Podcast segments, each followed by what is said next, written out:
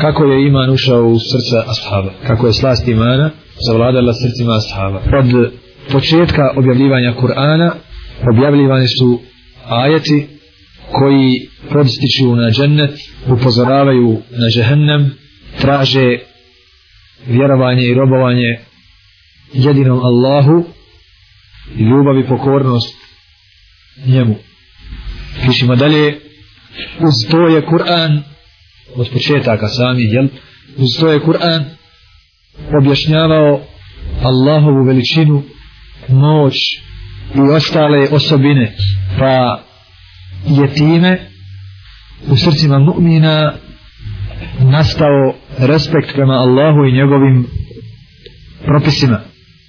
Znači, slušajući Kur'an koji objašnjava Allahove atribute, njegova imena lijepa, vjernici su vidjeli da je Allah najbolji, najjači, najbogatiji, najlepši, najdraži, najbliži. Šta je se desilo? Postao im je Allah želešanuhu preokupacije. Sve drugo je spustilo se na njegovo mjesto. Ako toga nema, odmah se dešava zabluda. Odmah jedan obični rob može da zagleda svima nama. Su našu unutrašnjost zakupi jedan rob. Međutim, mu'mini koji se druže sa Kur'anom, koji vide da je Allah što gospodar svega, ostalom sve robovi, odmah se pravi šta? Razlika između stvoritelja i stvorenog. Da Allah žele šanu sve obskrbljuje, da sve ima i posjeduje. Odmah se pravi razlika između onih koji su ovisni i ne mogu bez njega i onoga koji može bez svakoga i sve živi samo njegovom dobrotom. Od samog početka pište. Od samog početka Kur'an za usađivanje imana u proživljenje. Koristi za dokaz slučaj prvog stvaranja. Je vam jasno ovo što kažem? Od prvi ajeta koji dolaze koji su prvi ajeti? Ikra ima li tamo od toga išta? Alladhi khalaq. Khalaqa al-insana min alaq. Odmah upućuje čovjeka da ga Allah stvara da ga stvara od nečega što samo po sebi nije ništa bilo dok Allah šanu to nije razvio u živo. Zatim drugi ajeti koji kažu a zar se umjeju ponovo poživljenje? neka pogledaju od čega smo ih stvorili. A zar nam je drugo stvaranje teže od prvog? Znači kod mu'mina se usađuje tim ajetima iman Što će Allah stvoriti, živit? Pa hoće, neće. A, on me je stvorio.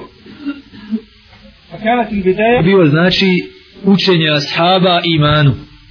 Početak je bio, svakako. Početak je bio učenje ashaba imanu.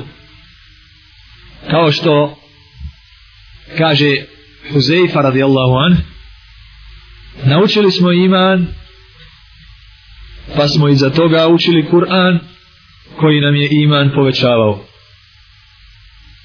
Naučili smo iman,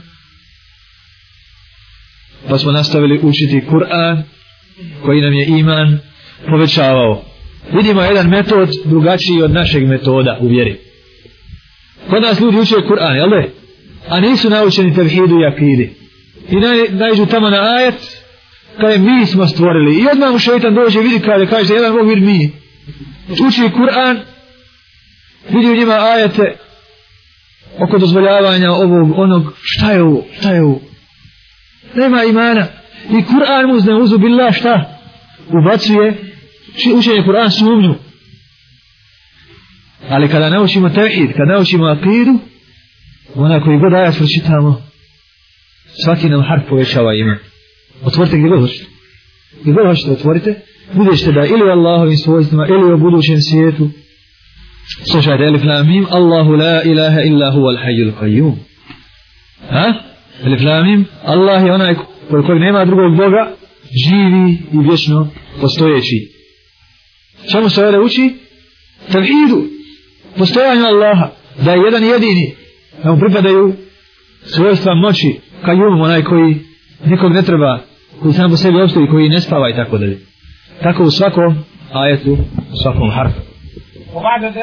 a obraćao se robovima Allahovim o ljudi, o ljudi, o ljudi dok je ugrađivao u njih iman kada je iman postignut Kur'an im se obraća o vjernici ovi koji vjerujete. I tek se sada vjernicima naređuje klanjajte postite dajte zekat ne činite to.